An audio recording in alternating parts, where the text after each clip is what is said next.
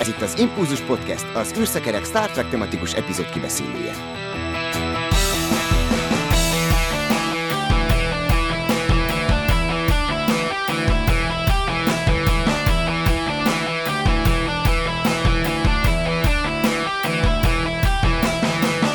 Kedves hallgatókat szeretettel üdvözlöm! A 221. Impulzus felvételt most megnyitom, és szeretettel köszöntöm beszélgető társaimat is. Ezen a héten Kő Gergő a vendégünk. Szia! Sziasztok! Hosszú és eredményes életet mindenkinek! Szerkesztő társamat is szeretettel köszöntöm. Szervusz, Dév! Sziasztok! Én pedig Csaba vagyok. Hát a mai adásunkban a Szökevény című epizódról beszélünk, az Új Nemzedék című sorozatból. Mielőtt ezt megtesszük, nézzük meg, hogy milyen hírekről tudunk beszámolni ezen a héten. Nem tudom, emlékeztek-e még az Enterprise Incidens című epizódra az eredeti sorozatból. Ott Spock megállapította, hogy hát a romulánok most Klingon hajókat használnak, és ezt a nézők felé is igyekeztek kommunikálni. Scotty talán még rá is csodálkozott, hogy de hát ezek Klingon hajók. Na ez azért volt, mert a, az eredeti Romulán ragadozó madarat azt kidobták a kukába, legalábbis a modellt, ami még az első évadban a Balance of Terror című epizódban szerepelt.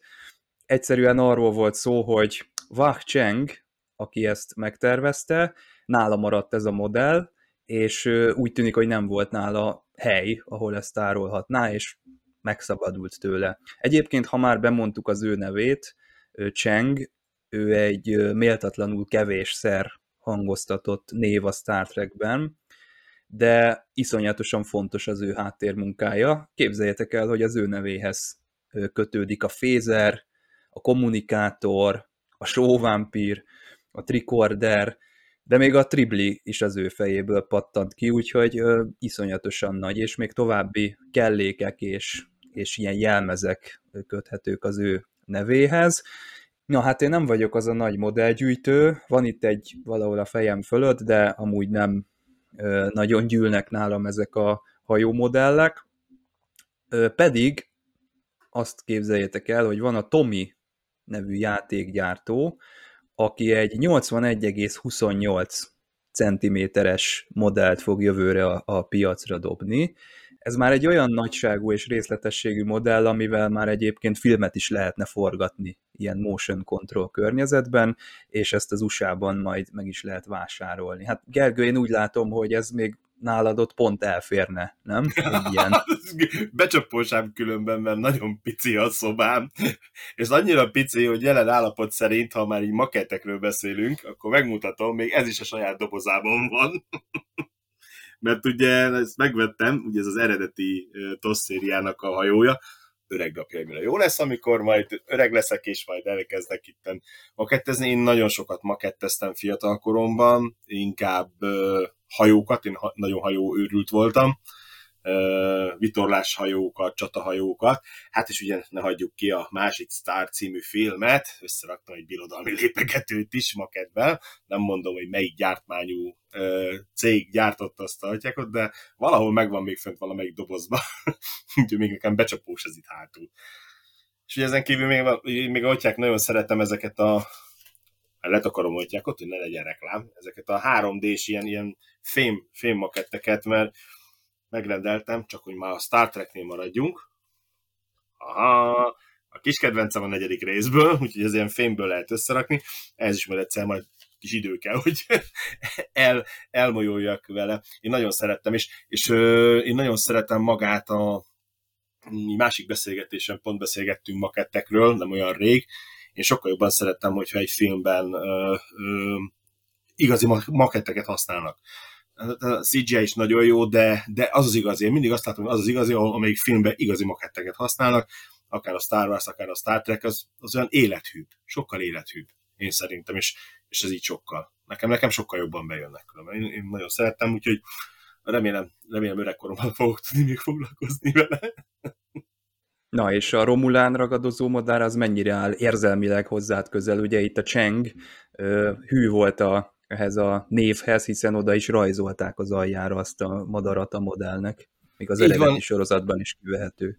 nagyon jó különben, és ugye ez, a, ez az áthallás, én szeretem ezt a típusú ö, hajót, ugye, amit a romulánok meg a klingonok is használnak, és ugye ez a rajzfilm sorozatban is többször előkerül különben, ez a, ez a típus, ugye, amit, amit ugye úgymond kidobott a, az ablakon. Mondjuk az érdekessége különben szerintem a rajzfilmnek még ugye, hogy ott például a, a, a csatahajók is, ugye a D7-esek, azokat használják a klingonok is, meg a romulánok is. Tehát mind a kettőknek a rajzfilmben D7-es hajója van, vagy Kitinga, amelyiket szeretnénk, de szerintem azok inkább D7-esek. Az, az az egy másik nagy kedvencem a, a Bright után, ugye a ragadozó madár után, és érdekes volt különben ezt látni, hogy mondjuk össze is kötötték a történetbe, hogy te mondod, hogy ugye hogy a klingonoktól szerezték a romulánok meg ezeket a hajókat, és nem pedig fordítva, és használták a történetbe, és nem tudom mennyire spoilerezhetem le, hogy ott ugye most futó új sorozatot. Hát csak ennyit mondjunk, hogy egy most futó új sorozatban is. Most futó ez a... új sorozatban is ez a ragadozó madár. Ez fontos szerepet kap ez a típusú ragadozó madár, igen úgyhogy érdemes, érdemes megnézni. Mondjuk én nagyon imádom azt a új sorozatot, a kimondás nélkül. Na jó, hát lehet mondani, szerintem a Strange New World-ről van szó, ugye, aminek most volt azt hiszem a záró epizódja, úgyhogy nem is szeretnék spoilerezni, de, de nagyon-nagyon, nagyon-nagyon Star Trek-es. Tehát én azt mondom, hogy talán ez eddig a legstar Trek-esebb Star Trek. És ugye, ha már maketteknél tartunk, és ugye a hajónál, ugye visszahozom ezt a makettemet, ugye az Enterprise konkrétan pontosan ugyanígy néz ki. Tehát nem tértek el, nem találtak ki egy 84. verziós Star Trek-et, meg vagy Enter, Star Trek-et, Enterprise, bocsánat, meg akaroltak még egyet, meg akkor legyen egy külön, meg megint egy új. Fogták, elővették a TOS sorozatnak a alaphajóját, és ugyanezt betették. Jó, egy kicsit meg van turbozva, de viszont szerintem, szerintem nagyon-nagyon, ez, ez nekem, nekem, mint Star Trek rajongónak, mikor ezt én megláttam, kész, engem kilóra megvett a sorozat. Már ott a hajóval megvett, kilóra. Mert ezeket én nagyon szeretem, hogyha így át, ilyen áthallások vannak benne. Úgyhogy, úgyhogy én, én, én, én tényleg, és, és mondom, maket, tehát én maket fan vagyok a CGI ellen. Na jó, hát mondjuk ezt a ragadozó madarat, ezt láthattuk korábban is, csak az eredeti sorozatnál ugye az volt a gond, hogy ott költségvetési okok miatt nem tudták már megint újraépíteni ezt a dolgot, főleg ott a harmadik évad környékén erről már szó sem lehetett, hogy új modellekre ruházzanak be, és ezért nem. De ez egyébként nem egy mostani hír, ez, hogy Mr. Cheng kidobta a Romulán ragadozó madarat, de gondoltam, hogy most itt az uborka szezonba vegyük elő, és akkor adjunk számot a saját modellgyűjteményünkről. Dév, neked vajon vannak-e ilyen hajó modelljeid? Nincsenek, nem gyűjtöm, de, de csodálom őket, és hát ezt a 82 centis modellt, ezt különösen csodálnám, ha itt lenne, de ez tényleg egy vitrínbe való, vagy egy, egy kiállító helyre akár. Például ilyen, ilyen Star kiállításokra el tudnám képzelni, akár ilyen magángyűjteménybe, hiszen ez nagy részt fémből készült, tehát ilyen diecast öntvény, nagyon precíz, tehát gyakorlatilag ez egy replika úgy szoktuk mondani a, a forgalmazáskor, hogy ezek, hát ezek a legdrágábbak egyébként tényleg, ami, aminek a kivitelezése filmhű.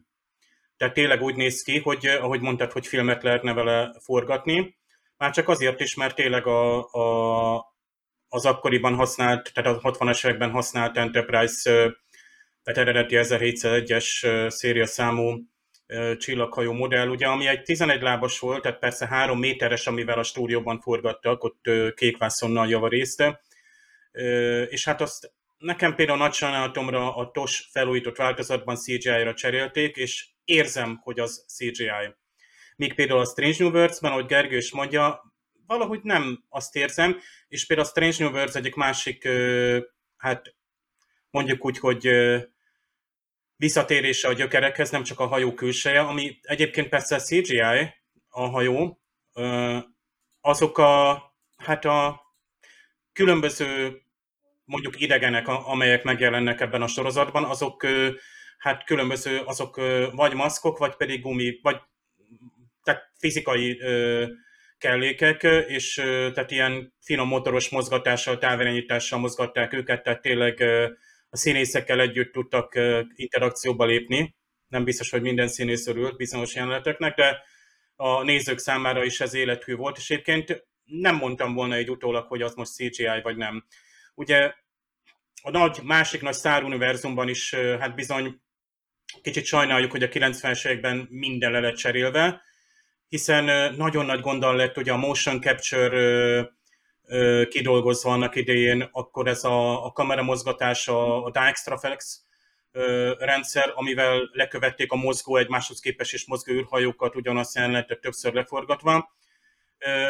De tudok egy, hát egy ilyen anekdotát, hogy ott is kidobtak egy, mondjuk úgy, hogy egy nagy gömböt a kukába, kvázi úgymond eltűnt. Aztán így nem is tudom, hol kötött ki valami biliárdszalomban, vagy nem is tudom. Tehát igazából ez volt sajnos a 60-as, 70-es években, tehát eltűntek a disztek, bár szerintem ma sem őriznek meg olyan sokáig diszteket, hiszen van ezben a tárolása, maximum elárverezik, minden raktár drága, különösen Amerikában.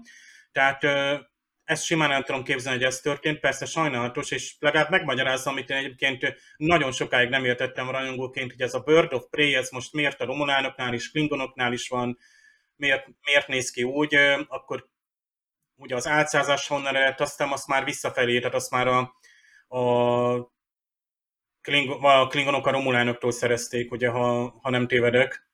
Itt igen, élénk, élénk cserekereskedelem folyt, amúgy a, egyébként hát nem túl nagy barátságban lévő fajok között, hát Worf azért egy-két morgást mindig megereszt, ha, ha a romulánokról van szó.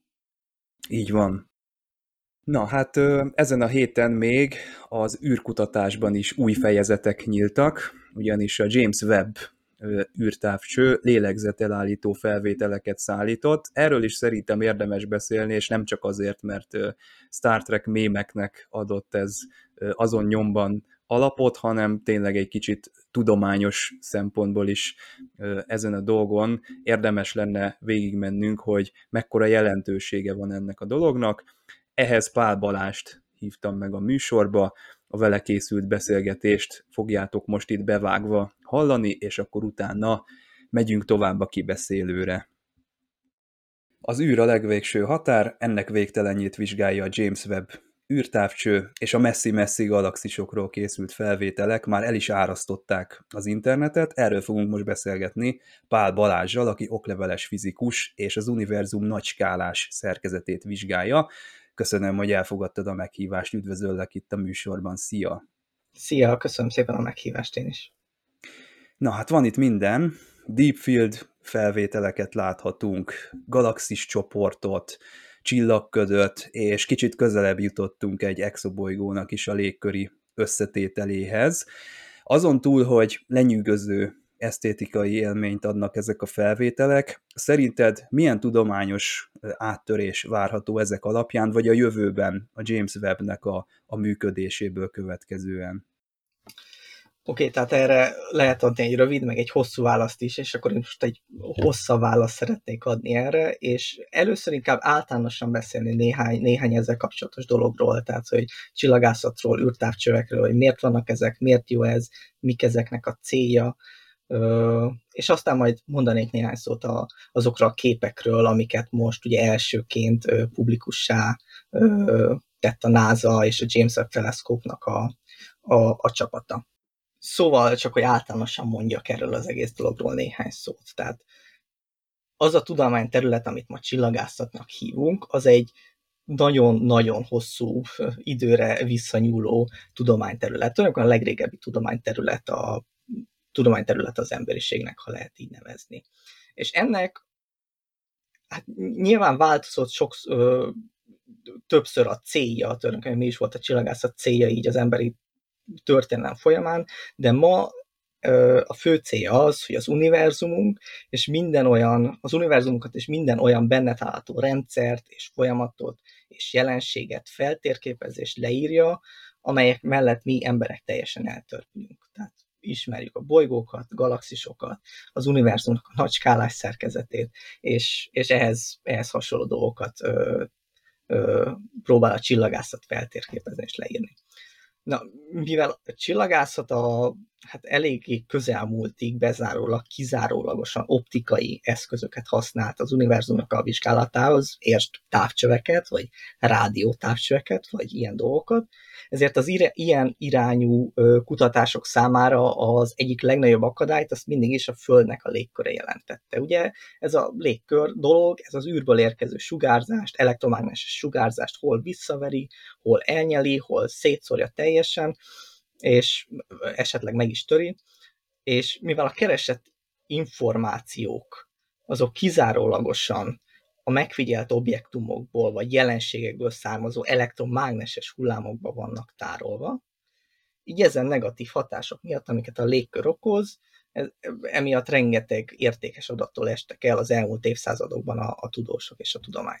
És az űrkutatásnak a, hát először a létrejöttével és aztán a fejlődésével a 20. század közepére már lehetővé vált az, hogy, hogy a tudomány legyőzze ezt a régi ellenségét, és képes legyen a különböző csillagászati megfigyeléseket végezni már nem a Földről, hanem egyenesen az űrnek a, a vákumából, a légkörön túlról is.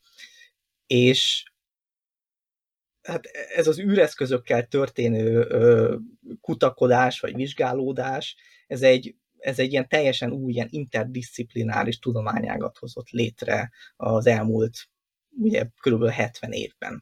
És tulajdonképpen ez, ez rengeteg ö, ö, új mérnöki, meg informatikai, meg természettudományos ö, ismeretet, meg felfedezést indukált, és ehhez folyamatosan szükségesek is az új mérnöki, meg tudományos, meg informatikai ismeretek e, ennek a fejlődéséhez. Na, most arra válaszolnak, hogy miért fontosak a, a James Webb teleszkópnak a képei, vagy miért jó, hogy egyáltalán fönt van ez, a, ez, a, ez az űrteleszkóp az űrben, mert hogy pont ez az űrteleszkóp az űrben. Tehát az egy nagyon fontos dolog, amit nem szabad félreérteni, és amit nagyon sokat olvasok mostában az interneten, hogy a, James Webb, James Webb teleszkópot azt nem szabad összekeverni, vagy ne, nem, nem szabad összehasonlítani egy az egyben a Hubble űrteleszkóppal. Ugye persze most az internet tényleg tele van azokkal a képekkel, hogy meg ilyen gifekkel, amik összehasonlítva mutatják a Hubble, meg a James Webb teleszkóp által ugyanazon objektumokról készített képeket, és tényleg elképesztő a különbség. Tehát a, biztos ilyenbe is belefutott az ember, mert a, azt hiszem a NASA-nak az eredeti, amikor bemutatták ezeket az első képeteket, akkor, akkor ők is lepublikálták konkrétan a, a Hubble képekhez, össze, a Hubble képek mellett összehasonlítva ezeket a, ezeket a James Webb képeket, és tényleg hihetetlenül nagy a különbség. Azért nem lehet viszont ezt a kettő űreszközt összehasonlítani könnyedén, mert egész egyszerűen más hullámhoz tartományon készítenek képeket. Tehát a Hubble űrteleszkóp az szinte teljes egészében az emberi szem számára is látható fénytartományban, míg a James Webb pedig már főleg csak az infravörös tartományban néz le. És a, a James Webb-nek a fő műszerei, például ez a NIRCam nevezetű műszer, vagy a MIRI, azok konkrétan tulajdonképpen infravörös kamerák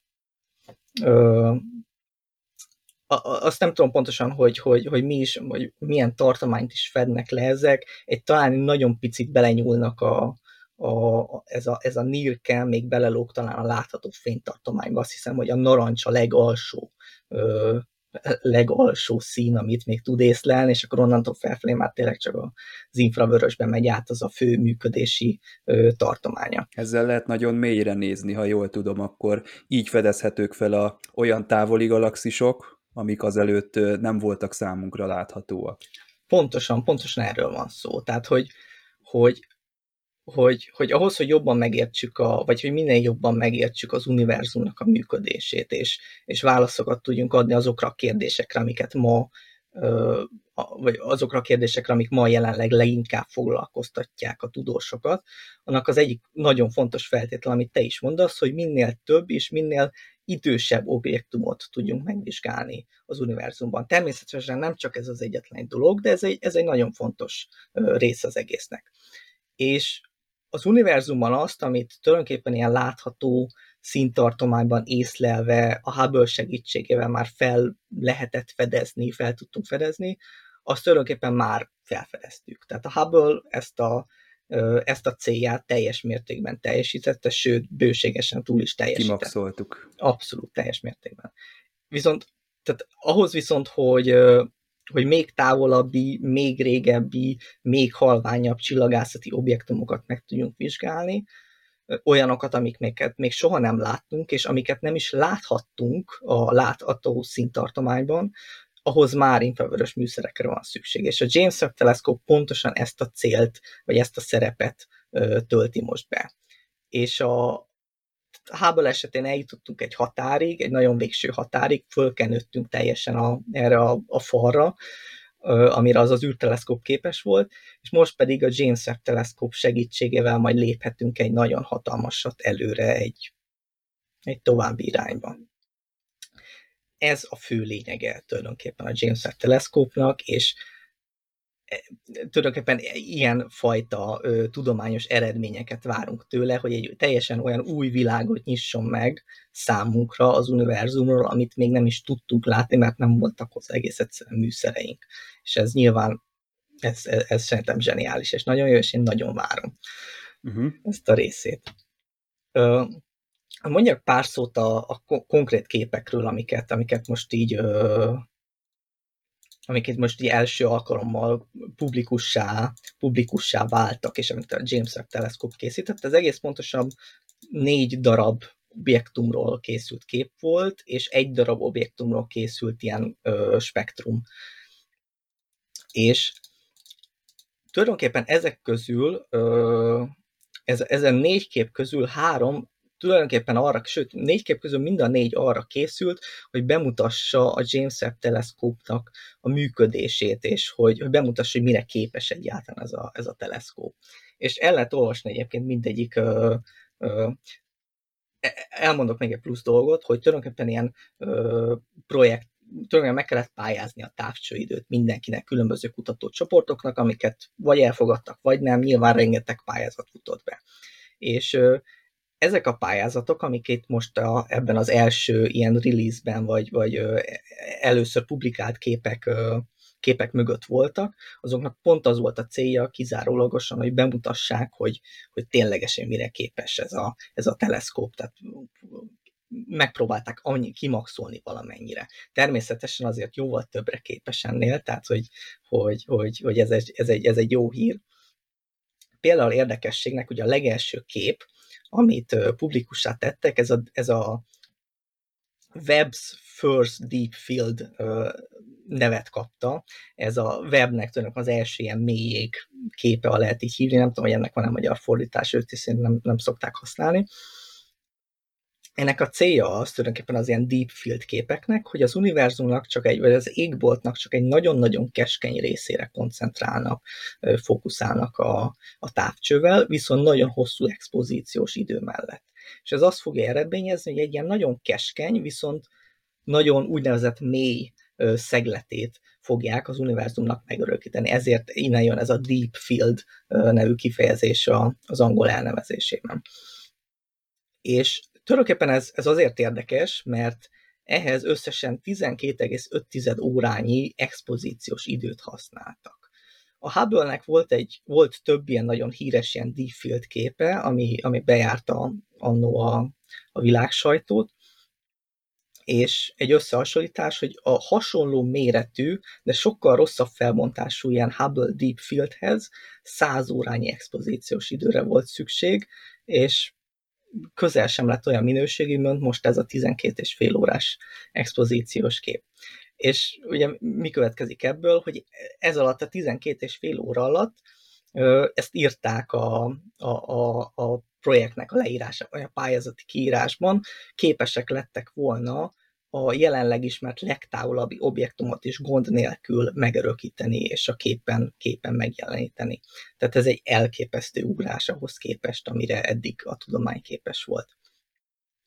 A, a más, egy másik érdekes kép, vagy nem is kép, hanem a másik érdekes spektrum, ö, amit, amit ö, publikussá tettek, egy exobolygónak, exobolygó, tulajdonképpen egy exobolygóról készült ö, ö, színspektrumot ábrázol, vagy színspektrumot vettek le, És ugye a színspektrum elemzés az arra jó, hogy egy adott objektumnak az összetételét ö, elemezni tudjuk, vagy nem feltétlenül objektum, hanem egy, egy, egy ilyen interplanetáris köld, vagy egy intergalaktikus köld, vagy bárminek a, nem intergalaktikus, hanem interstelláris, bocsánat, ö, ködnek az összetételét, vagy egy csillagnak az összetételét, vagy esetleg egy bolygó légkörének az összetételét tudjuk elemezni, és most ebben az esetben pontosan ez történt, hogy a sosem tudom ennek a nevét, ez a WASP 96 nevezetű csillagnak az egyik bolygója, egy gázóriás, ami tőlen, ami hozzá nagyon-nagyon közel kering, azt hiszem a napföld távolság egy huszadára, igen,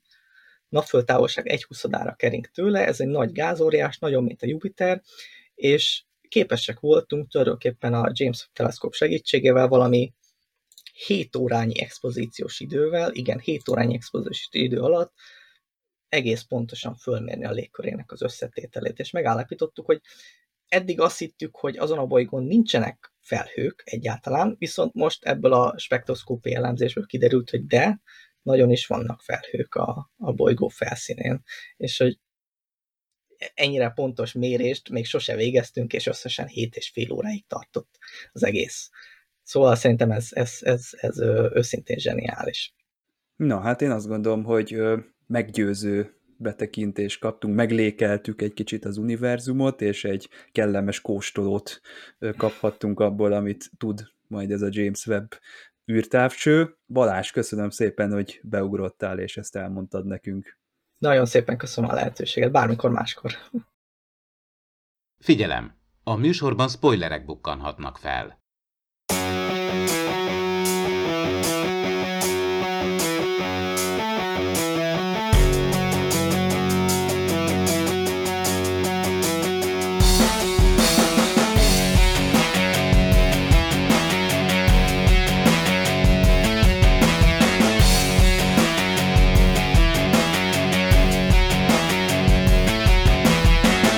Kriptobiolin, triklinidil, egy csipetnyi makrospandol, és készen is van a tökéletes katona.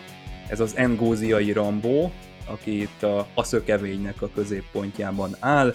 Erről fogunk most beszélgetni, továbbra is Kő Gergő és Dév a beszélgető társaim, én pedig Csaba vagyok. Hát ha már így a Rambó szóba kerül, akkor mondhatjuk, hogy szemmel láthatóan mi volt az inspiráció ennél az epizódnál, és természetesen a készítők is, Michael Piller is nyilatkozott, hogy igen, ez a veteránokról szól, akik visszatérnek a háborúból, és hogyan integrálódnak adott esetben vissza a társadalomba, vagy hogyan val kudarcot ez az egész folyamat. Ugye itt van Roga Dénár, akit már a Lower Decks-ben is megemlítettek, ugye Mariner azt mondta, hogy hát ő egy tök béna ilyen antagonista, de azt hiszem, hogy Boimler a védelmébe vette, hogy dehogy is, hát a Rogadénár az egy tök menő, tehát neki ott van a helye Kán mellett, és én szoktam is ezen gondolkodni, hogy azért hasonló kategória, tehát itt van egy feljavított úriember,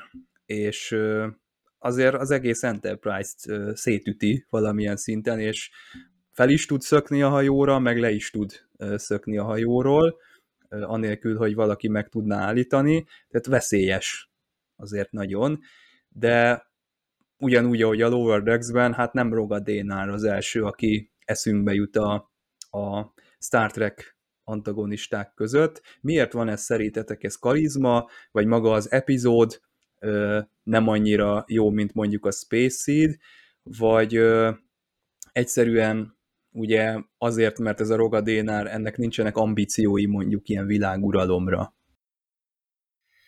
Szerintem itt ugye ez már nem az első szuperkatona feldolgozás. Tehát, hogyha jobban megnézzük, akkor ugye a, a, aki, aki a szuperkatona, a szuperember, aki egy Star Trek rajongónak eszébe jut, Khan. Tehát ez egyértelmű. Tehát, és ő mellette azért bedobni még egy szuperkatonát, én szerintem egy kicsit merész vállalkozás volt a készítők részéről, mert effektíve ugyanazt a receptet vették elő. Tehát van egy társadalom, készít egy szuperkatonát, és ezt a szuperkatonát félredobják. Ugyanezt történik a Kán esetében is, ha úgy vesszük. Ugye annyi különbséggel, hogy a Kán, az ugye ő, ő ő, a szuper képességével egy kicsit úgy maga, maga, magát fölteszi mindenki föl, és azt mondja, hogy ők az elsők, és hogy nekünk itt most mindenki uralkodni kell, és pedig mi vagyunk a legjobbak, és ugye egy kicsit elszáll az agyuk, na, magyarul. Nem, nem kicsit.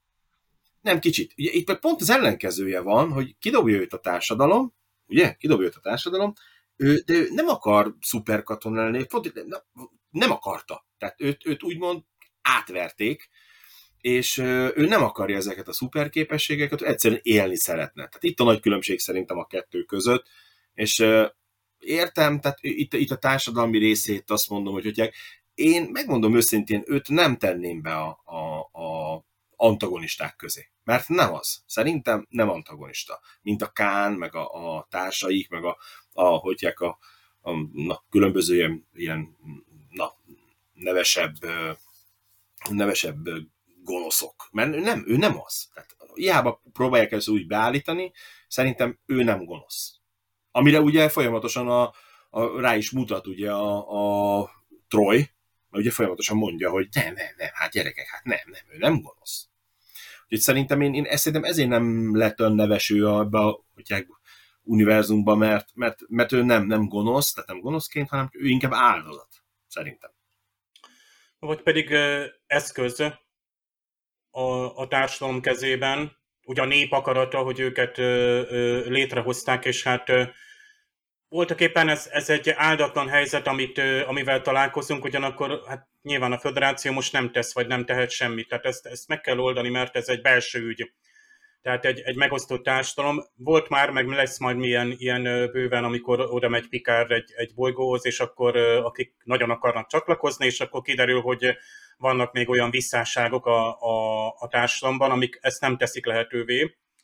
És Igazából itt az Enterprise megy tovább, tehát voltak éppen itt mondjuk úgy, hogy megvan még a, az a hát kicsit erkölcsi erőfitoktatás, mi szerint mi ezen már túljutottunk. Lásd mondjuk akár a veteránok helyzete, vagy akár csak egyértelműen az, hogy háború, katonasság, fegyverek használata, mert nyilván a föderáció is használ fegyvereket, illetve a csillagflotta, meg eszközöket, amik mondjuk a béke érdekében, vagy amikor alkalma nyílik beavatkozni.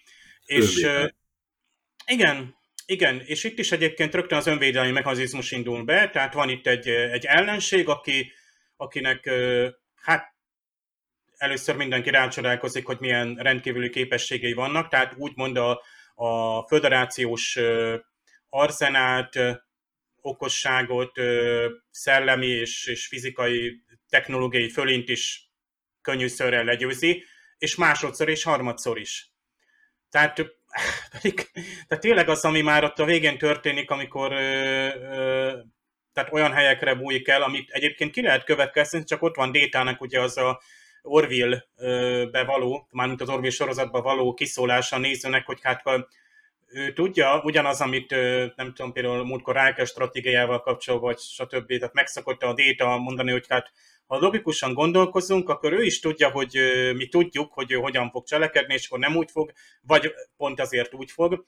Tehát itt a végén már belemegyünk ebbe, hogy stratégiailag hogy győzzük le, és itt, itt kezd telítődni az epizód, mondjuk úgy, hogy ez, ezzel az akcióelemmel. De igaza lehet, volt a Détának, mert vezette őket, még már utána is, amikor az űrruhát ugye kicsomagolta, Igen. akkor is a Worfot átverte. Csak azt nem tudta a néző sem, szerencsére, hogy a Worf is átveri. Tehát ugye megjátsza, hogy átkapitány, ezt nem találtuk, megyünk tovább, és akkor hoppá, Worf is ment.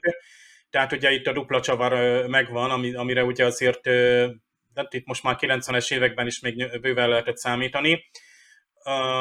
Én ahogy minden TNG epizódban, ezt a fajta akciót egyébként szeretem. Tehát az, amikor cselek, trükkök vannak, még Worfot is legyőzik, nem beszélve, hogy tehát gyakorlatilag O'Brien-t azt földig alázzák nyilván, tehát jó pofa, amikor ő, mivel egyébként azért nem sokára kiderül, hogy O'Brien azért mégiscsak karreszé csatamezőket is megjárt, tehát azért majd mögé építik azt, hogy ő se egy, egy uh, pihepuha, de nagyon tetszik azok a hozzáállások, tehát a Pikárnak ez a, először ez a, tényleg ismerjük ezt a Pikárféle kategorikus, hát hát ö, találják, megfogják el, adják el, és akkor rázzuk le magunkról, mert a kötelességünk csak az itt, hogy ö, megszökött egy fogoly, és akkor ö, mi meg folytassuk a tárgyalásokat. Sőt, hát szétverte a, a transportertermet, mondja Trojnak, úgyhogy ő minél hamarabb meg is akar szabadulni Így van. tőle. Ezt, igen, ezt a pikátféle hűvösséget, ezt egyrészt ö, ismerem már, másrészt mindig úgy, mindig úgy meglep, hogy Pikár ugye mindig csak másik körben kapcsolódik be, de amikor már van elég információ.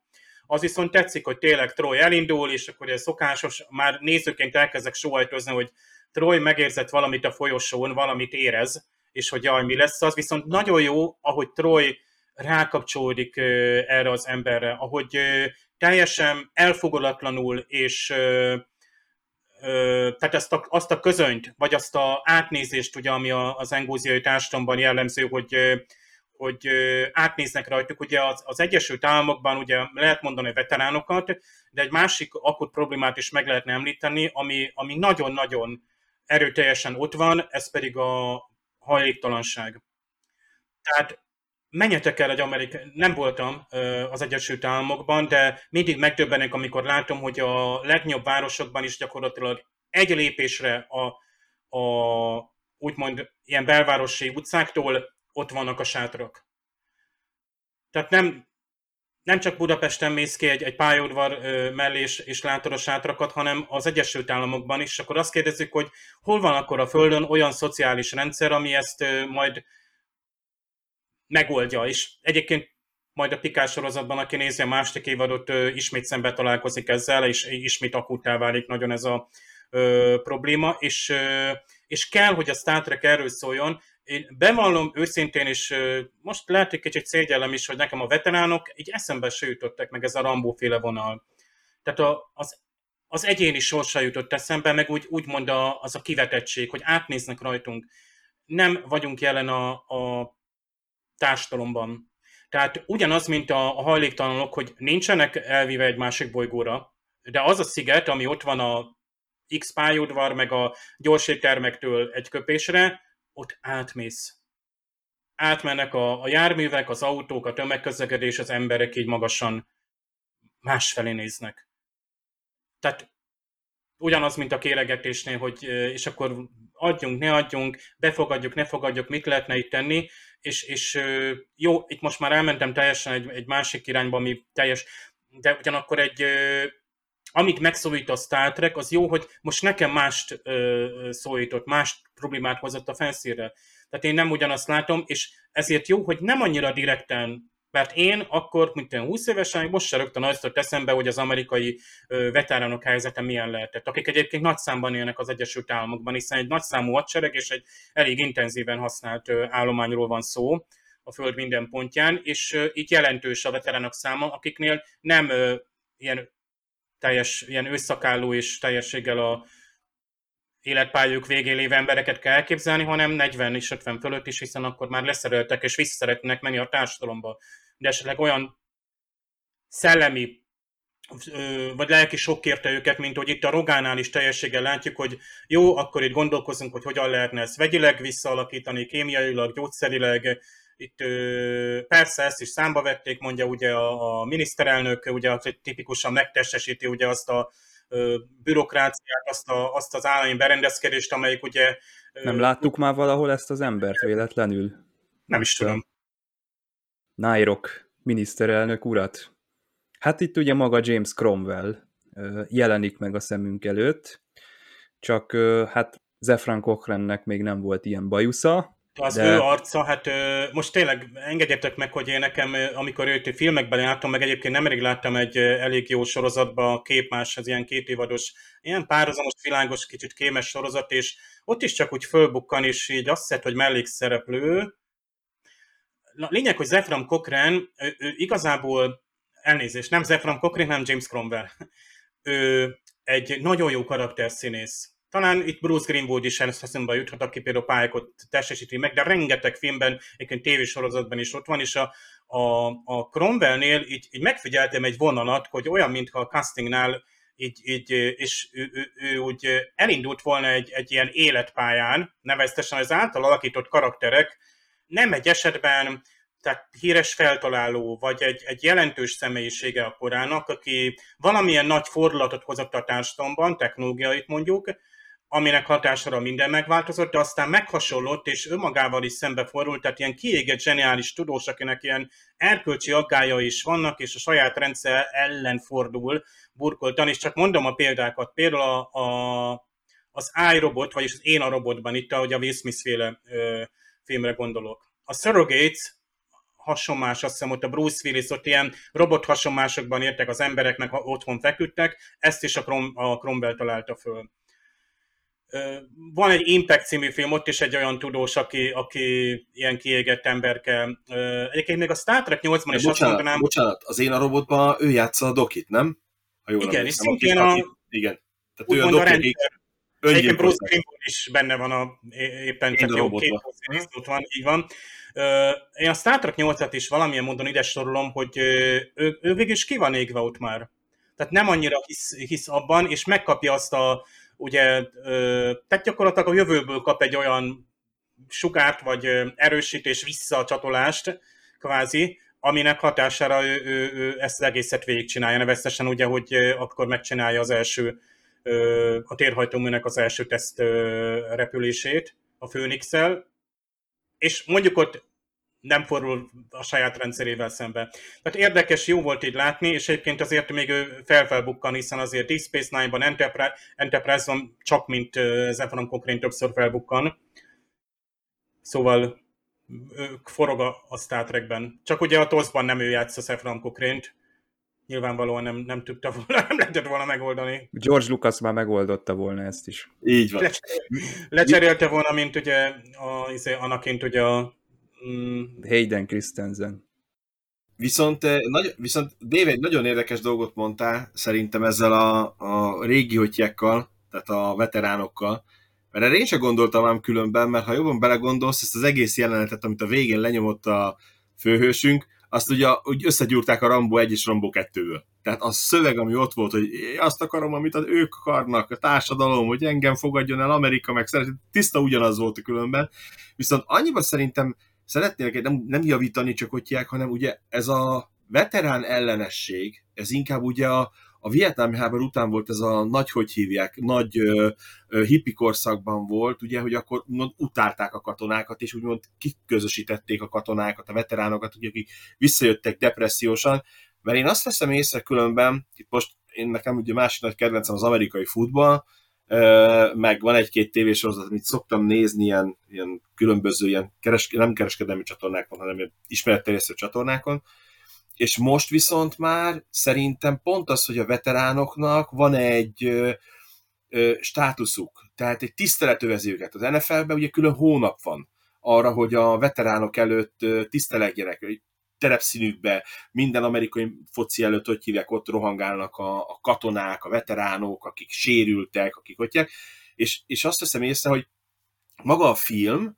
az, az egy kicsit azt a változást akarta megtestesíteni, ami Amerika átment.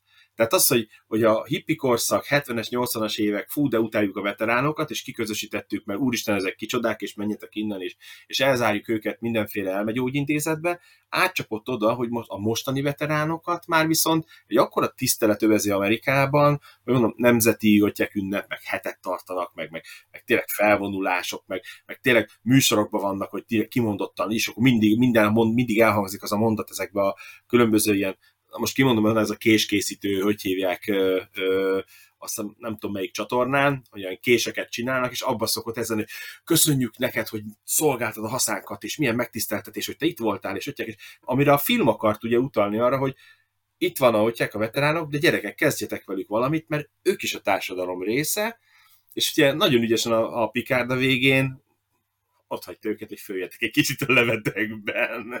És akkor most vagy, vagy megegyeznek, vagy nem. Úgyis tudjuk, hogy mi lesz a vége, mert tudjuk, hogy mi lesz a vége, hogy megegyeznek, és valószínűleg visszafogadták őket, de, de nagyon... Ez, ez nem ez várja meg mert teret vált és elmegy onnan. Igen, de ugye sejtjük, tehát azért, azért, azért sejtjük, hogy azért valószínűleg, ugye, ugye azért lehetett látni végig a, a film alatt, hogy ugye például, ami, amit ott volt, hogy a, a úgymond a antagonista gonosz egy embert nem ölt meg.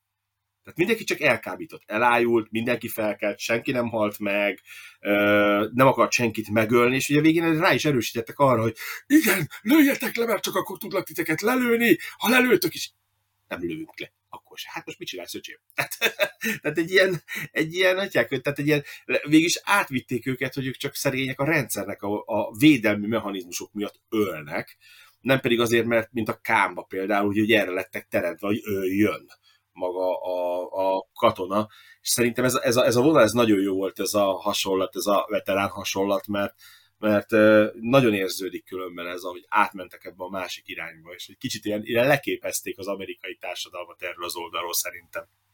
Hát ez a veterános téma szerintem fel lett dolgozva, a, az amerikai filmek, a mozik ö, foglalkoztak ezzel a dologgal sűrűn, és szerintem ez egy ilyen USA lelkiismereti társadalmi kérdés, amit ők ilyen módon, jól vagy rosszul, de filmeken keresztül kezeltek. Dave egyébként abszolút benne van ez a láthatatlan vonulat, hiszen a, már maga az, hogy az érzékelők sem látják ezt az embert, az is lehetne egy ilyen utalás arra, hogy nem, nem létezik a társadalom számára ez a szerencsétlen fickó. Pont utána fűzik föl azt a Troy jelenetet, miután Déta megállapítja, hogy még mindig nem látjuk ezt az embert, tehát az érzékelők még mindig ö, teljesen vakok, és akkor jön Troy a folyosón, és akkor, akkor látjuk, hogy na, ő viszont látja. Tehát ö, itt van az empata, aki észreveszi, és innentől kezdve elkerülhetetlen, hogy akkor most megismerjük a gyilkológépet, aki, akit ö, be is állítottak mindenféle ilyen mm, rezidens gonosztevőnek a, a bolygóján, ugye itt a miniszterelnök úr már figyelmeztetett, hogy hát inkább kábítsák el, és úgy ö, tartsák őt fogva, reményei szerint akkor nem, nem is fog beszélni a, a problémákról, és a, a bolygó az szabad utat kap a föderációba, de ugye Troy, Troy észreveszi az embert ugye a Rambó mögött, és el, el tudnak kezdeni ugye beszélgetni. Milyen jó egyébként ez a, cella, vagy ez a fogda az Enterprise-ban. Már volt ez szerintem, de most egy kicsit felújították. Igen, úgy ez a, ez a börtönös, de szinte luxus börtön. Tehát ha jobban belegondolsz, ha jobban megnézed a, magát az egész kinézetet, ahogy a, a, igen, ahogy ott eltolja, kinyitja, a csappan alatt a vizet kap, hogy hívják, ez a luxus börtön. Tehát, tehát az engóziaiak viszont... is, mintha jól, azt mondják, hogy jól tartja igen, a ezt mondták is. Mondták is, hogy ő, ő, mi adtak nekik mindent, csak hát ugye ők, amit, amit nem kaptak, az, hogy ők nem egy lukba akarnak élni, egy, egy, egy nem tudom, nem, azt hiszem űrállomás volt? Azt hiszem az, ahogy hívják. Igen, valami külön... Aztán, valami különálló, hát, hol, nem holdot mondanak, hanem űrállomás. Holdon, nem? mert a Lunar, Luna, Luna, Luna Mégis igen, igaz, a Men in Blackből tudjuk, hogy a, a Holdon igenis van egy börtön. Mikár még meg is állapítja, hogy Luna 5 egy bolygó körüli gulág. Az egy erős, erős mondat volt, mert és főleg, hogy ki is mondják az eredeti verzió, és ezt mondja meg a magyar is, bár a felirat valamiért munkatáborra fordítja, biztos úgy gondolta, hogy sok néző már esetleg nem, nem érti. De, de mindenképp erős mondat, meg itt beszéltünk az elején Kánról. Hát nekem Kánhoz képest viszont sokkal zseniálisabb, vagy a képességei, tehát nem egy, egy ilyen buta erőgép, tehát például csak arra gondoljatok, ahogy ő feljut az Enterprise-ra, és hogy azt hinnék, hogy szökni próbál, ezért elkapják egy vonósugárral ezt a kompot, amin menekül, és akkor, tehát milyen taktikai húzásokat tesz? Hát ütköző pályára áll, és akkor mindenki azt hiszi, hogy az őrült. Jó, akkor mivel közeledik az Enterprise-hoz valami, akkor aktiválódnak a pajzsok. De akkor viszont a vonósugár megszűnik, ekkor kiszabadul ugye a komp, de mégiscsak ütközik és lepattan ugye a pajzsról, és akár ilyen, ilyen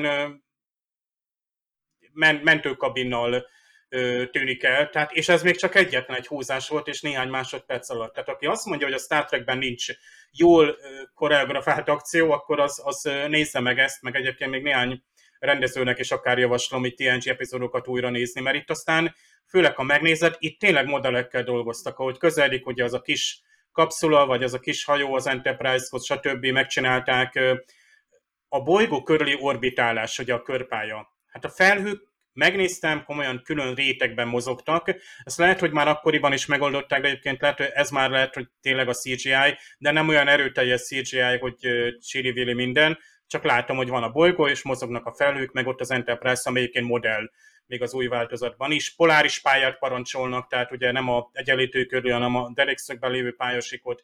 Tehát mennek, pattognak a taktikai parancsok, tehát hihetetlen stázisba helyezik, ilyen pendingbe helyezi az O'Brien, és a néző csettint, hogy hm, milyen jó ötlet. Tehát jön egy zseniális húzás ugye a, a Roga részéről, és mindig egy zseniális stratégiai húzás, mert azért nem, nem kiskölykök ülnek ott ugye az Enterprise-nak a pultjainál, és elég magabiztosak, hát az képtelenség, hogy ne kapjunk el valakit a hajón, és a fogda a kompjúterre megjelenti, hogy hát fogda üres.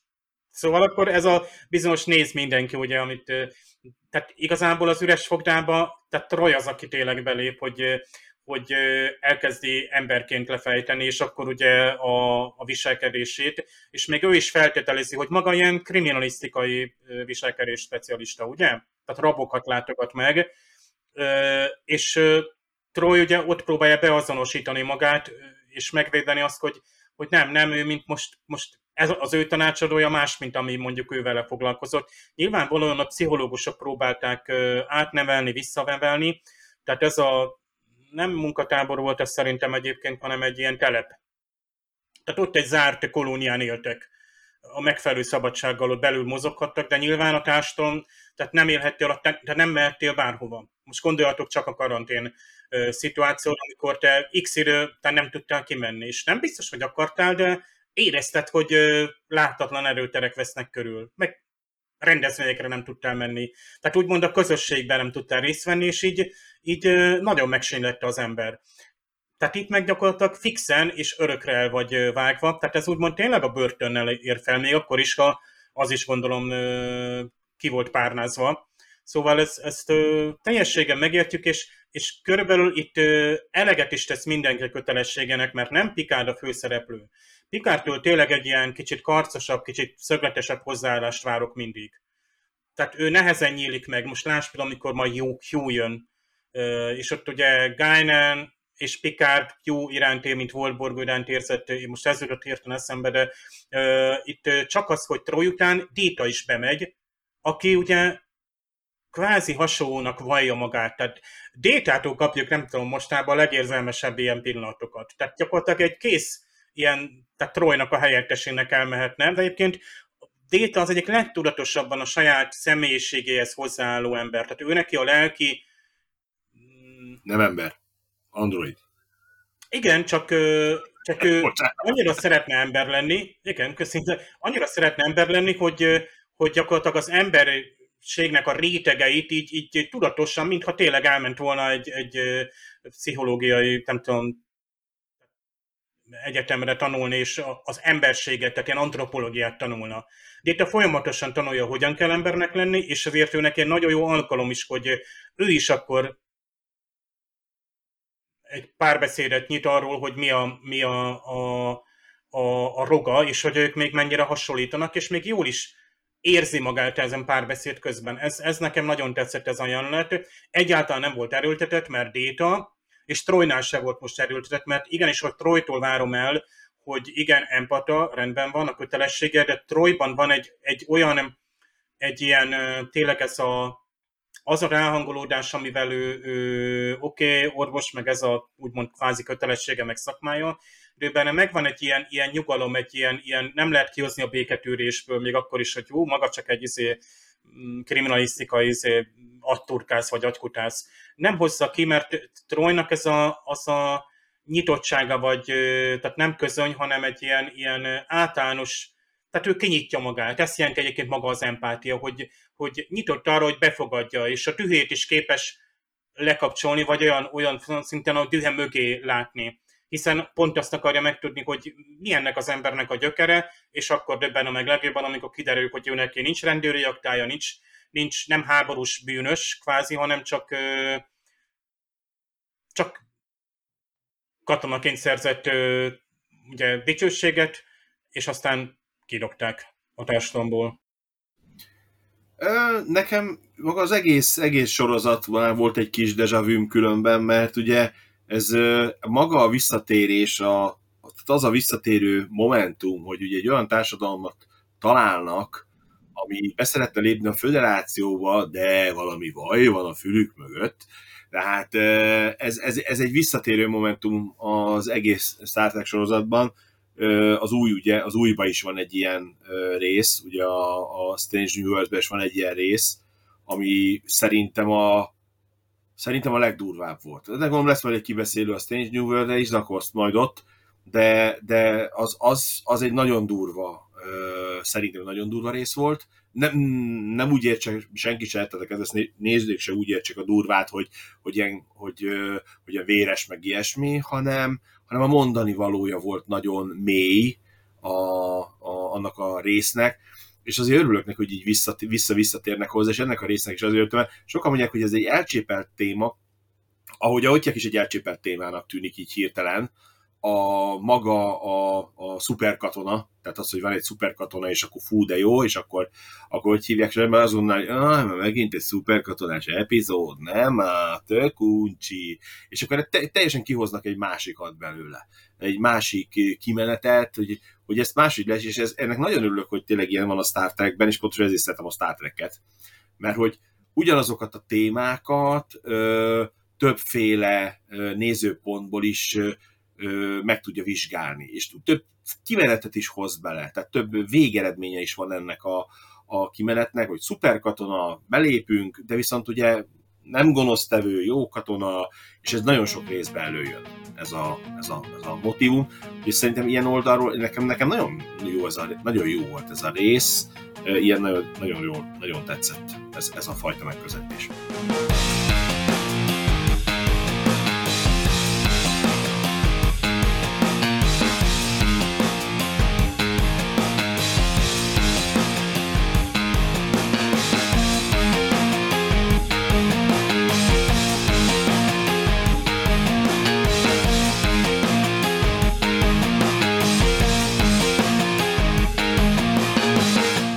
Roga párbeszéd, amelyik egy ilyen kulcspontja az epizódnak. Itt ö, tele van egymás firtatásával, hiszen Roga is szeretné megtudni egyáltalán hova került, ugye szóba kerül az, hogy War Vessel, tehát mi is az Enterprise, hogy ez a, ez a Vessel, ez a visszatérő, hogy ö, ugye valamilyen ö, hajó vagy űrjármű, tehát ugye az a kérdése, hogy ö, itt ö, hadihajóról van-e, van-e szó, de hát voltak éppen ugye föderációs csillaghajóról, és persze Roga felcsattan ugye a föderáció hallatán, és bizony ezek szerint a föderációnak ilyen szempontból itt nincs olyan jó híre, de ez aztán nincs kifejtve. És aztán ugye az a viselkedés specialista, amit itt szóba került, hogy uh, specialist in criminal behavior, hát voltak éppen itt ez a criminal, ez inkább utalna arra, hogy ilyen kriminalisztikai, tehát lásd, ilyen profilozó míg a magyar egy kicsit tompítja, hogy viselkedés speci- specialista. De Rogának még van egy hát kicsit erősebb szurkálódása, méghozzá az, hogy ugye Troyra azt mondja, hogy egy ilyen mind control expert, tehát csak ezt magyarra sokkal erősebben fordítják le. Agyturkász vagy agykutász, talán inkább kutász volt ez. Mondjuk nem hiába persze a 90-es éveknek a mondom, a magyar változatban van nyilván, de hát ugye, ha azt mondom, hogy kutász, akkor szerintem Gergő benned is így a, a, a másik nagy univerzum így fölsejlik, hogy ugye kutász droidok, ugye probe droid, ami ilyen, ilyen, ilyen automatikus szonda, amit ugye a, a birodalom használt, és azért hát Trojnak ugye ez a kutakodása, ezt egyébként nem egy epizódban érezzük, de azért erős, erős kifejezés, és Troy kikéri magának, hogy nem vagyok semmiféle agy, agykutász, vagy agyturkász. Egyébként mai, mai napig nem tudom, a felirat egyébként agyturkász mondott, de az nem szó szerint a szinkront adja vissza. Ugye megérezte a fájdalmát, tehát itt voltak éppen Troy ö, gyakorlatilag a lényegét fogja meg ö, ö, Rogának, mert itt a fájdalom határozza meg az ő viselkedését, és ugye akkor lép akcióba, amikor valamilyen ö, agresszív ö, vagy támadó körülmények közé kerül. És később Troy ugye Détával próbálja visszafejteni Rogának a miben létét, és itt hát megmosolyogjuk, mert 90 januárjában jelent meg az epizód, még nyoma sincsen ugye a World Wide Webnek, néhány év múlva lesz azonban már a Földön, de akkor is itt ugye Troy úgy írja lesz, hogy do we have link up the Angusian Central Computer? Rákapcsolódtunk-e az Angusiai központi komputerre? És Data azt mondja, hogy igen, we are copying records, feljegyzéseket töltünk le, tehát kvázi Data itt ugye internetes eléréssel rendelkezik, de akárhogy is ugye adatkapcsolatról van szó, és így meg is kapják azokat a feljegyzéseket. Ebben a szempontból egyébként látjuk itt, hogy az angolszéi társadalom, ez, ez, nem egy, ez, ez nem egy negatív, ez nem egy birodalom, ugye, ha már itt a Star Wars-ról beszélünk, ez egy működő, kvázi egy nyitott demokratikus társadalom, amelyik ugye szemet hunyt egy ilyen visszásság mögött. És ugye ilyet ma, nagy demokratikus társadalmak könnyűszerrel megtettek, vagy megtesznek manapság is. Pikár ugye kijelenti, hogy a Lunar 5 Orbiting Gulag, egyébként hát ugye magyarban is ezt visszaadják, és hát sajnos ugye szerintem a magyar nézőknek ezt nem is kell magyarázni. Orbiting, ugye bolygó körüli munkatábor, hát bolygó körüli gulág egyébként munkatábor csak a feliratban volt. Egyébként ezt a Lunár 5 néha Luna 5-nek mondják, tehát uh, itt szerintem más sorosztokkal keverték esetleg a, a színészek. Uh, Déta és Roga párbeszéde is nagyon izgalmas. Ugye Détában sem tudjuk, hogy hol van a, az ember és a, a gép határa, mert ő egy emberé váló, vagy emberé kívánni váló, emberé válni kívánó gép. És de maga Roga kérdezi meg Détát, how do you separate the program from the man? Hogyan választom szét a programot és a férfit? Hát szarvasiba. A programot és az embert kell szétválasztani, nem a férfit. Tehát oké, okay, hogy férfi, férfi, man, férfi, ember, tehát legalább a másik jelentésig menjünk már el, amikor fordítunk, de hát mondj, ez most csúnya volt a részemről, de így, itt kifejezetten arról van szó, hogy Roga, mint ember, nem tudom milyen fajú, hát angóziai nyilván, emberszerű, humanoid, de az ő lényét vagy személyét kéne szétválasztani a rákényszerített biológiai vagy biokémiai programtól. És hát van egy nagyon, egy bájosnak mondható hát beszólás a détának, hogy ugye amikor déta érzelmei kerülnek szóba, akkor déta azért által mindig kijelenti, hogy hát ugyan már neki nincsenek, tehát itt is azt mondja, hogy azt mondja, hogy I am incapable of any feeling, képtelen vagyok bármilyen érzésre, és Roga azt mondja, hogy irigylem magát. És hát olyan hat év múlva legalábbis a forgatási idő szerint mondja ezt Pikár kapitány Détának, amikor ugye a Borg, megsz, Borg megszállott a Enterprise E fedélzetén, ugye a sötét folyosókon kúsznak, és ugye a Data, akkor már ugye az érzelmi chip az aktív, és hát Pikár azt mondja, hogy hát igen, igen, ez fantasztikus tapasztalat lehet az ön részéről, de, de, de hát mondjuk nem ártana, ha esetleg deaktiválná most a, ezt az érzelmi csippet. És akkor azt mondja, mert Déta ott elkezd mesélni, hogy mit érez ott, hogy a folyosón haladnak. Na mindegy, azt mondja Déta így teljesen ilyen hűvösen, hogy hm, jó ötlet, uram, és akkor egy ilyen, nem, ilyen nyakrándítással, de mutatja a nézőknek is, hogy deaktiválta az érzelmeit, és mostantól teljes uh, ilyen bátorsággal halad a borg felé, és hát tudjuk is, hogy mi lesz uh, vele. Uh, egyébként Picard ezt mondja, hogy uh, időnként irigylem ön Déta, tehát itt, itt mondja, egyébként szerintem Déter ilyenkor mi is irigyeljük ezekben a helyzetekben, hogy erre képes. Uh, és érdekes még, amikor Roga úgy búcsúzik, hogy uh, I enjoyed our talk, tehát enjoyed, élveztem a beszélget, jó volt, jó esett, hogy beszélgethettünk, ugye, és érdekes, hogy uh, Déta azt mondja, hogy ő is, akinek, aki, aki az előbb mondta azt, hogy nincsenek érzelmei. Tehát nagyon érdekes, hogy egy eljátszanak ezzel a, a gondolattal, hogy így a nézőben nagyon könnyű elhitetni, és Déta is könnyen el tudja hitetni egy másik személye, hogy ő nagyon emberi. Annak ellenére, hogy, hogy akárhogy is, de android. Aztán hát itt a, a, a menekülésnek a pillanatai, hát itt sorba lehetne mondani, hogy itt elhangzanak olyan vezényszavak például, ami nekem nagyon tetszett, hogy override it, its destination, ugye turboliftről van szó, divert a turbolift to position, ugye Worfhoz kell irányítani a turboliftet.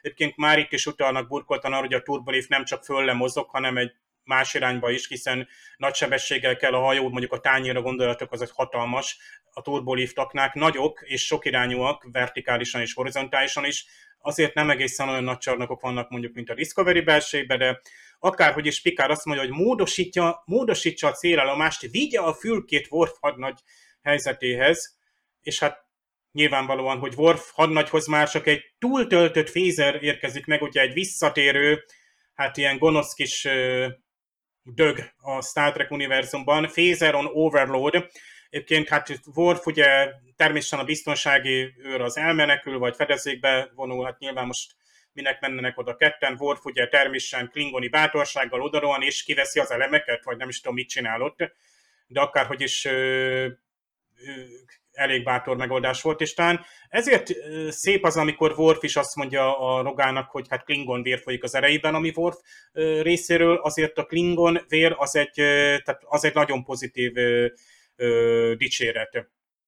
És aztán Picard utolsó szavaiből ugye ezt a fair, amit ugye a, a, az ügyek, politikai ügyek, ez nem a mi ügyünk, ez egy belbiztonsági ügy, ugye hárítja el Picard ezt az egészet, ezt kell tenni, egyébként érezzük, hogy a szimbiózis című epizódnak a Pikár kapitánya tért itt vissza, aki azt mondja, hogy nem, nem segítünk, nem adunk ellenszert, főjetek a levetekben, és majd kiforja ugye a helyzet, mert egyébként se avatkozhat be ugye az irányelv szerint, itt se avatkozhat be. De, de voltak éppen mondjuk, hogyha az Enterprise a legdurvább módon beavatkozott, mert ugye volt egy társadalom, aminek volt egy kvázi nyugvópontja. Igen, van egy visszásság, de mégiscsak beavatkoztak, de ez már szerintem majd az epizód értékelésében van. Mindestre ez nekem mindig tetszik, ugye ez a természetes fejlődés, ez a development, mert ezek igazából gyönyörűen körülírják, és a magyarba is nagyon jó visszaadják a, az elsőleges irányelvnek a lényegét, amit sose lehetne egy mondatba megadni, viszont nagyon jól kifejezi az, hogy hogyan működhet a csillagfotta a föderáció, annélkül, hogy belezuhanna ilyen belpolitikai csatározásokba.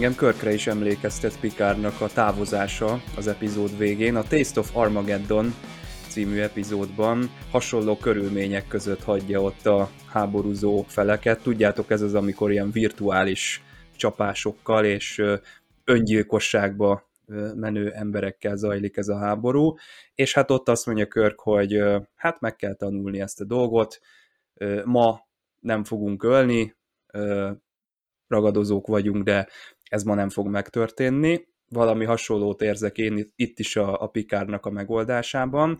Az eredeti forgatókönyvben ez nem így zajlott volna, hanem lett volna egy hatalmas nagy csata, Rogadénár és a veteránok, vagy ezek az eldobott katonák, hát gyakorlatilag végig söpörtek volna a fővároson, és egy sokkal tragikusabb végkifejletet találtak volna ki.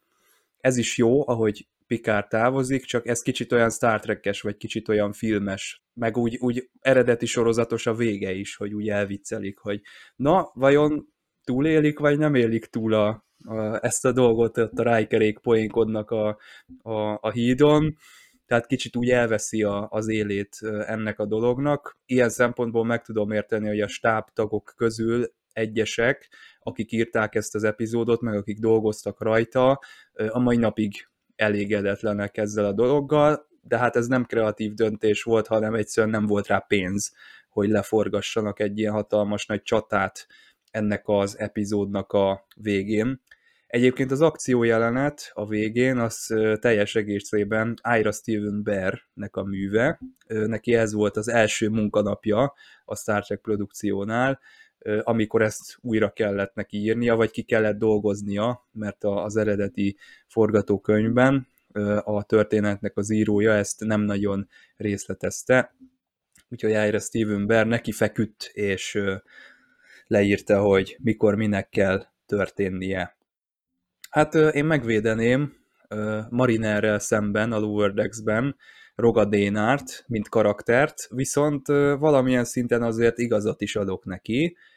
Valószínűleg az itt a, a Kán és a Rogadénár összehasonlításban a fő szempont, hogy ez az epizód eléggé nézhető, de viszont nincs meg benne az az újranézési faktor, mint mondjuk a múlt heti epizódunkban a, a Desertőrben.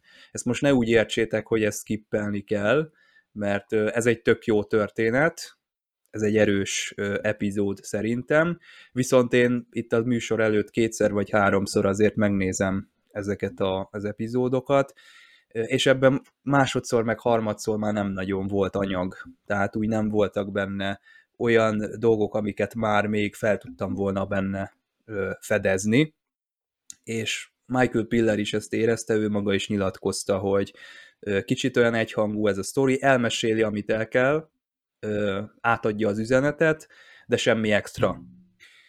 De hát Gergő, nézzük, hogy te hogyan értékeled az itt látottakat. Hát, amit így elmondtál, én, én nem örültem volna, hogyha azt a verziót csinálják meg, hogy szana szétlőik egymást a végén, és akkor mindenki meghal, mert akkor viszont pont a lényegét vesztette volna el a rész, ugye, hogy ők alapvetően nem gonoszak. Tehát meg nem, én szerintem ők nem antagonisták, tehát ő, ők egy áldozatok, én szerintem, amit a társadalom kinevelt magából, amivel a társadalom próbált foglalkozni, de, de nem sikerült de ezt akkor is egy, egy, egy tüske ott maradt, tehát ezt valahogy ki kell szedni a kézből, ami benne maradt a tüske, és, és ez nehezen megy. Külső segítségesebb, de a tüskét akkor is meg kell valahogy oldani. Én, én nagyon nem örültem volna, hogy ezt az epizódot ö, ö, ilyen háborús epizóddal fejezték volna, mert szerintem pont így volt jó vége, hogy, ö, hogy nem, ö, nem ö, gonoszok hanem, hanem tényleg csak áldozatok. Ha viszont de azt végigvitték volna, hogy szétlőnek mindent, az egész várost, és lepusztítják, és mindenki meghal, akkor igen, akkor Kán, Insanian Kán kettő lett volna, kőkeményen, és akkor igen, akkor lehet, teljesen más végkifejlete lett volna, viszont akkor én akkor azt mondtam volna erre az epizódra, hogy így fejezték volna be, hogy akkor ez kont- Kán, Ctrl-C, Ctrl-V.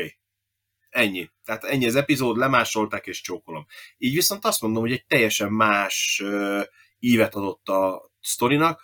Abba igazuk van, hogy tényleg egy picit olyan lapos az epizód, nekem, nekem megmondom őszintén, nagyon tetszettek azok a jelenetek, amikor ilyen menekül, és próbál, és becsapják egymást, és ide megyünk, és oda megyünk, és, és tudjuk, hogy valamit csinált a fézerrel, valamit fog csinálni, és fölrobban, és akkor nekem, nekem ez ilyen, nekem, nekem ilyen Star Trek-es volt ez az epizód, a másik az nem, nem tetszett volna, én, én szerintem ez egy, jó kis kerek epizód volt. Így. Ezt nagyon régen láttam, nagyon-nagyon régen, elkezdtem nézni, hirtelen nem ugrott be, de amikor a, bennült a fogdába, és akkor megláttam rajta ezt a kis tetkót, akkor, akkor eszembe jutott, hogy én ezt, én ezt láttam ezt a részt nagyon régen.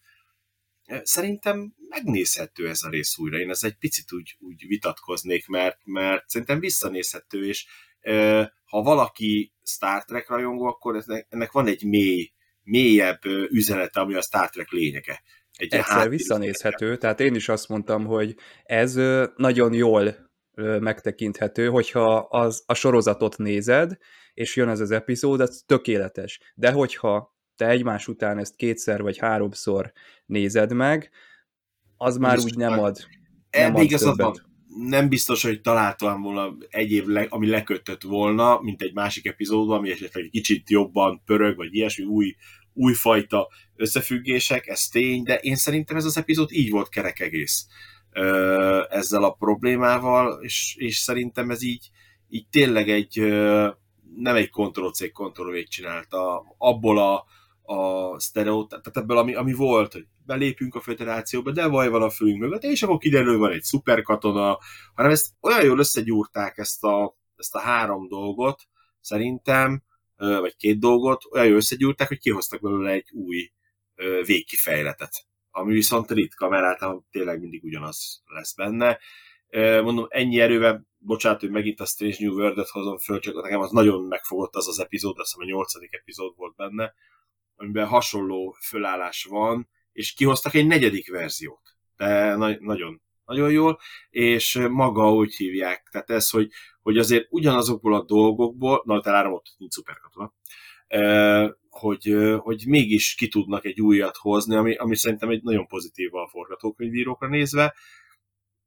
Én, én tudom sokan, hogy mondott, hogy sokan azt mondják, hogy nem, nem így kellett volna befejezni ez az epizód. Szerintem nem. Szerintem ez egy pont jó volt befejezni. Ez pont így kellett befejezni ahhoz, hogy, hogy egy, egy, ne az legyen tényleg egy másolat az egész.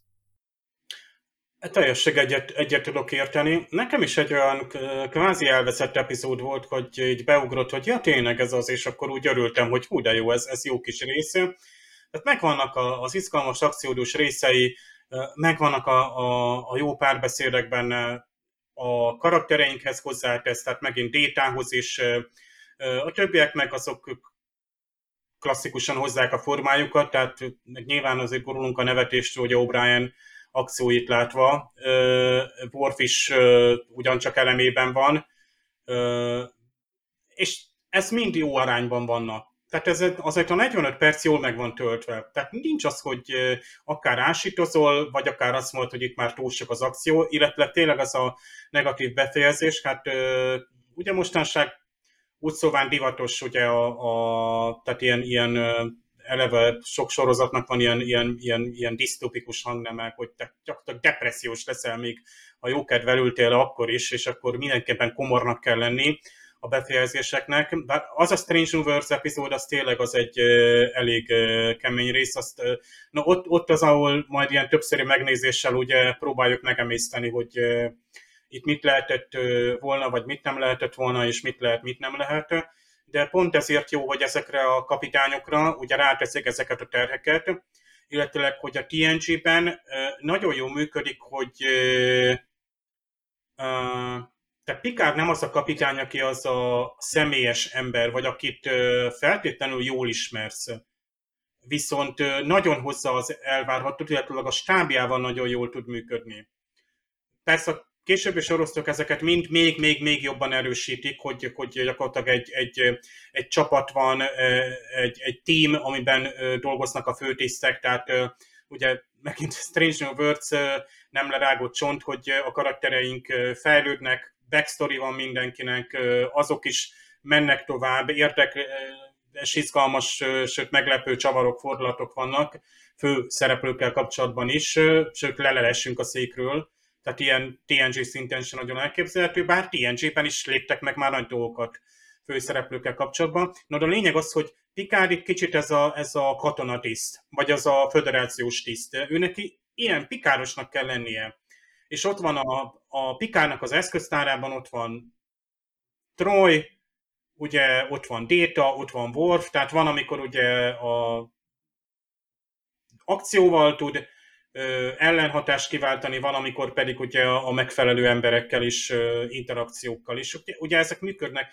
Nyilván itt ugye Riker volt megint az, aki ugye megitta a levét, hogy háttérben van, akkor a doktornő például le sem megy már például a bolygóra, tehát érezik, hogy itt, itt ilyen cserélődnek a szerepek, tehát van, aki csak ilyen báb szerepben van, de hát végülis hét szereplőről van szó, és, és akkor meg már tényleg 60 perces epizódokról beszélnénk.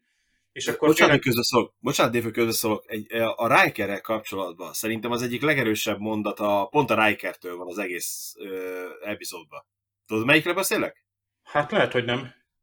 Amikor, amikor lemennek a, a, hogy hívják a bolygóra, és akkor visszahívja a Worfot, és mond neki valamit. Ja, hogy ma, ma, maga személyesen maga fel a kapitány biztonságáért az egy nagyon kemény mondat volt, tehát, és a Rikert ez egy nagyon kemény, bocsánat, hogy így közbeszóltam, de, de azt hiszem, az egy nagyon-nagyon kemény mondat de volt. Tök jó, hogy mondtad, mert ez tipikusan Rikeres, ugye Picard egy, egy elég tüzes szituációba megy le. Tehát itt, itt akár az is lehet, hogy mindenkit megölnek. Tehát ami, ami lent van, az egy kemény szituáció, és én Gergővel egyetértek, hogy jó, hogy ezt így ilyen rövidre vágták, mert ez egy klasszikus Star Trek-es megoldás, hogy nem tudjuk bemutatni mindent, tehát jó, jó lett volna látni a James Cromwellnek az arcát, hogy még, jobb, még többet látni, hogy hogyan sopánkodik, hogy összeomlik a világa. hogy itt, itt kezdett beleszokni ebbe a típusú izé, karakterbe, de, de másik szempontból meg ez van a Star Trekben, hogy ott hagyjuk ezeket a bolygókat. Persze után, és ilyenkor lehet róla beszélgetni másnap, meg 20 évvel később is, hogy te el tudod képzelni, hogy mi lett ezen a bolygón, megoldották-e, és jó, lehet, hogy egy kicsit el van bagatelizálva, hogy a végén ott, ott még ott a hajón ott beszélgetnek a hídon, hogy kell csak megkérdező, hogy sikerrel jártak-e, és hogy majd ugye itt Pikár jelentést írt, hát itt a föderációs csatlakozásnak az elbírálásáról is van szó. Ugye, hogyha túllik az éjszakát, akkor majd ugye nyilván a föderáció majd a, ebben a a szem reintegrációról, vagy miről is van szó? Tehát a reprogramről van szó, tehát az újra integrálásról a társadalomba, bár ez a integrálás igazából, tehát hogy mondjam, tehát ez, ez, ez, ez, ez igazából sosem egyszerű. Most lásd, amikor be akarunk integrálni egy társadalomba, tehát csak az amerikai kultúrát nézzük meg, hogy a különböző helyről származóak hogyan integrálódnak, vagy nem integrálódnak be a társadalomba. Az integráció az egy ez ilyen szerves beépülés jelentene. Tehát ahol tehát egy működő, képes és egy úgy szóván, tehát egy jólétben élő, tehát ugyanazon javakban részesülő tagja leszel a társadalomban önként. Na most itt ugye az első lépés az lenne rogáik részéről, hogy ne nézzenek keresztül rajtuk, és hogy tehát itt nem elég a puszta lét. Tehát magyarán szólva, hogy ö, ö, megkapjuk a, azokat a javakat, amik ö, tehát hogy mondjam, sokkal többről szól egy társadalom, mint hogy a, a fizikai ö, létnek a biztosításáról. Tehát ugye a, bele van, az összes alkotmányon bele van írva, hogy ö, teszem azt például szabad költözés, helyváltoztás, kultúrához, szórakozáshoz való jog, tehát úgymond ezek a, ezek a ö, személyesebb, kiterjesztett jogok. Tehát nem csak ahhoz van jogod, hogy te, te a, a élelmiszerellátást, betegellátást kapjál, mint ilyen annyi vagy alapvető jog, hanem a társadalomban való részvétel, hogy téged elismerjél, látható legyél, tehát te tudjál, nem tudom, szerveztekbe tömörülni, vagy mit tudom én, tehát, tehát ez, ez, ez, ez működjön. Ugye a veteránoknál is ez van, vagy ugye sokszor látjuk, hogy ezeket a különböző ilyen önsegélyező köröket, vagy ö, ö, ahol ugye összejárnak a, a, a feldolgozni az emlékeket, akár katonák és a többi. Tehát, mert olyan sok kérte őket, vagy olyan messziről érkeznek vissza a társadalomba. És jó, hogy az amerikai filmek igenis ezzel foglalkoznak, ábrázolják, mert igazából ez más országoktól sem idegen manapság már, bármi okból is, meg amúgy te ilyen perifériára kerülni máshogy is tudsz. Tehát ugye ez a kirekesztődés, ez, ez egy csomó módon érthető. Tehát csak beszéljünk arról, hogy, hogy fogyatékossággal küzdesz, tehát tehát fizikailag nem tudsz úgy mozogni azokban a körökben, terekben, közösségi helyszíneken, ahogy, ahogy jó lenne. És a társadalom legjobb akaratával sem lehet ezt tökéletesen megoldani. Vagy ugye itt is mondják, hogy a, a ráfordítás, vagy a, a nép java, tehát hogy, hogy legyen-e lift minden metroállomáshoz, hogy hát a nép java mit akar, hogy legyen rohadt drága az a nem tudom hány számú metró van, vagy nem, és akkor egy, egy új vonalon már automatikusan ott lesznek azok, és akkor, akkor lép a társadalom egy következő integrációs szintet, amikor már se biciklivel, se babakocsival, se kerekesszékkel nem buktásolsz ugye, ilyen kereszteződésekbe, de már egyikben sem. Már az oké, okay, hogy egy belvárosban meg van csinálva. Na mindegy, tehát nem kezdünk el politizálni, de ez nem is politika, mert Pikár is ugye itt afférokról beszél, ami nem politikai döntés, hanem egy ilyen a közjónak a, a működés és egy föderáció. Igazából picit hasonlít az Unióhoz, és az Unió is azért bebevilágít ugye különböző sarkokba, nem azért, hogy kutakodjon belbiztonsági ügyek, vagy belpolitikai ügyekben, hanem hogy van-e például pont ezek a szabad hozzáférések működnek-e, legyen szó a pont ilyenekről, tehát hogy az akadálymentesítés például. Tehát ilyen sarokkövek, amik, amik alapján egy átmész egy másik országba, és ott ugyanolyan szabadon tudsz mozogni. Legyen az a letelepedés, legyen az egy, hogy te biciklivel mozgasz, vagy neked gyereked van, és úgy akarsz dolgozni. Tehát a, a, a, a, a hozzáférhetőség a javakhoz, mert hiába, hogy azt mondja, hogy itt van a társadalom, itt van, adunk nektek juttatásokat, nyugdíjat, meg, és a többit, meg segít, de, de hogy a többi, tehát amitől te ember leszel, amitől majd nem néznek át rajtad. Tehát ezek, ezeket várja el, és ilyen komoly kérdéseket vet föl, és közben meg ugye itt van a tényleg az a kalandos köntös, ami nekem nagyon tetszik, hogy mennyire jól tudtak a 80-as években 90-es években ilyen akciófilmeket is írni. Tehát azok az akciófilmek, azok a jelenetek, azok mai napig is megnézzünk. Most nem csak az, hogy Schwarzenegger fölkap egy, izét, egy félméteres izé, gyökerű fát, és akkor átugrál a sövényeken. Tehát tényleg ezek a koreográfiák is, vagy úgymond a, a, a időzítése az epizódnak, hogy mennyi akció van, mennyi párbeszéd van, mennyi visszajelzés van. És most 20 év után se értem, én rengeteg új sorosztot nézek azért, és sokszor érzem azt, hogy, hogy ilyen, ilyen se íze, se víze, vagy ilyen elcseszik. Vagy... Elcseszik, nagyon el, Én nem mondom, kifejezetten, mert ott vannak a szakemberek, tehát most is vannak koreográfusok, most is vannak stuntmenek, most is minden ott van mögöttük, letfalak vannak, és néha pont a bizonyos letfalas megoldásokra panaszkodnak a... Na mindegy, tehát itt fizikai díszletek között ö, tök jól meg volt oldva a lesötétített raktér, tehát itt, itt az atmoszféra teremtése, a gépház, ahogy ott Jordi mondja, hogy duplázza meg a, hogy már oda küldtünk, hát mindenütt vannak már biztonsági osztak, Jordi meg ott ráorrít a volt, vagy ráförmet, hogy akkor duplázza meg őket, és akkor érezzük, nem, hogy... Jordi... Nem, azt mondja, azt mondja, hogy ha elfogad tőlem egy jó tanácsot, megduplázza.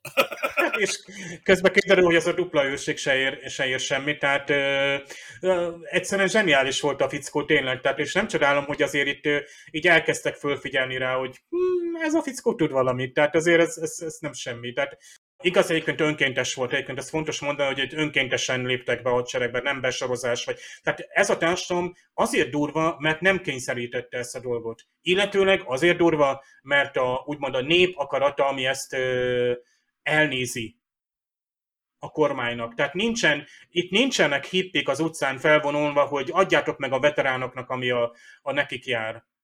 Tehát itt ezért durva, hogy ez a társadalom ebbe a, ebbe a, tehát bele, ebbe a langyos jólétbe szépen bele morzsolta az embereket, és így, na akkor most már jólét van, akkor srácok, irány a föderáció. Na, úgyse néznek a szőnyeg alá, hát most ugyan már.